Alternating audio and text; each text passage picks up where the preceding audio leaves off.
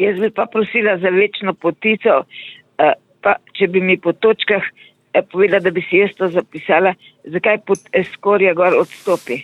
Zdaj vi naredite Zakaj? za ene dve, dve štruci, se pravi v pekač ali v modele boste dala. Ja, eh, Kako za količino? v model dam, bolj praznično je za model. Za model samo. In to samo eno naredite iz koliko moke? Pol kile, za ene kile? 60. 60 dekagramov moke, dobro. E, tu je zdaj 60 dekagramov moke, e, kavna žlička soli, ki ob strani daste. V moko pa dajte aromo, bom kar tako začela vam. E, limonino lupino, dve, tri žlice ruma prilijete not, e, potem tri rumenjake, pa 8 dekagramov sladkorja, jaz miksam.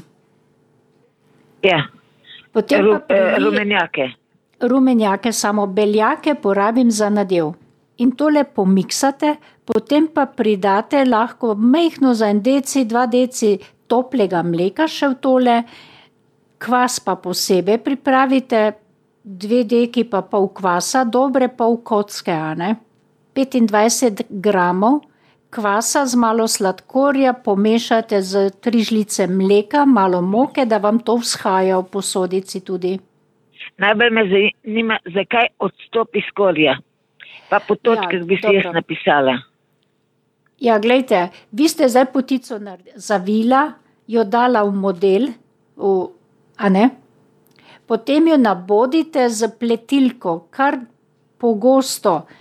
In potem šele poravnajte, da iztisnete vsako zračno eh, tole luknjico, jamico, kakor ste ovijali, se vedno kakšen ovoj naredi, ohlapneje in tam je not malo zraka. a Ne?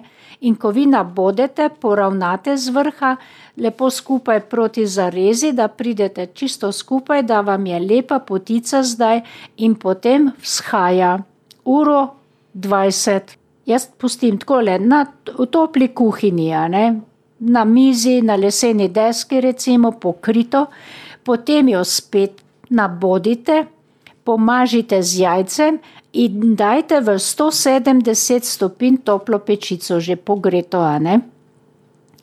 In se vam peče, lepo naraste, tako da eno uro jo pečete, verjetno imate kar lep glineni model, ali pa pet minut manj vsaj, drugače pa do eno uro jo pecite.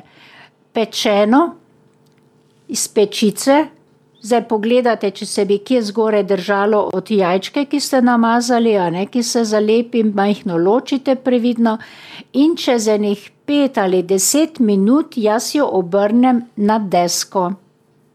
In potico pokrijem s servieto, dve plasti ali pa tako prtič zložim na tri dele, pokrijem in še z, v eno vrečko zavijem vse skupaj in to pustim, da se tako ohlaja. In tako se lepo skorja bo skupaj držala, tudi na ta način.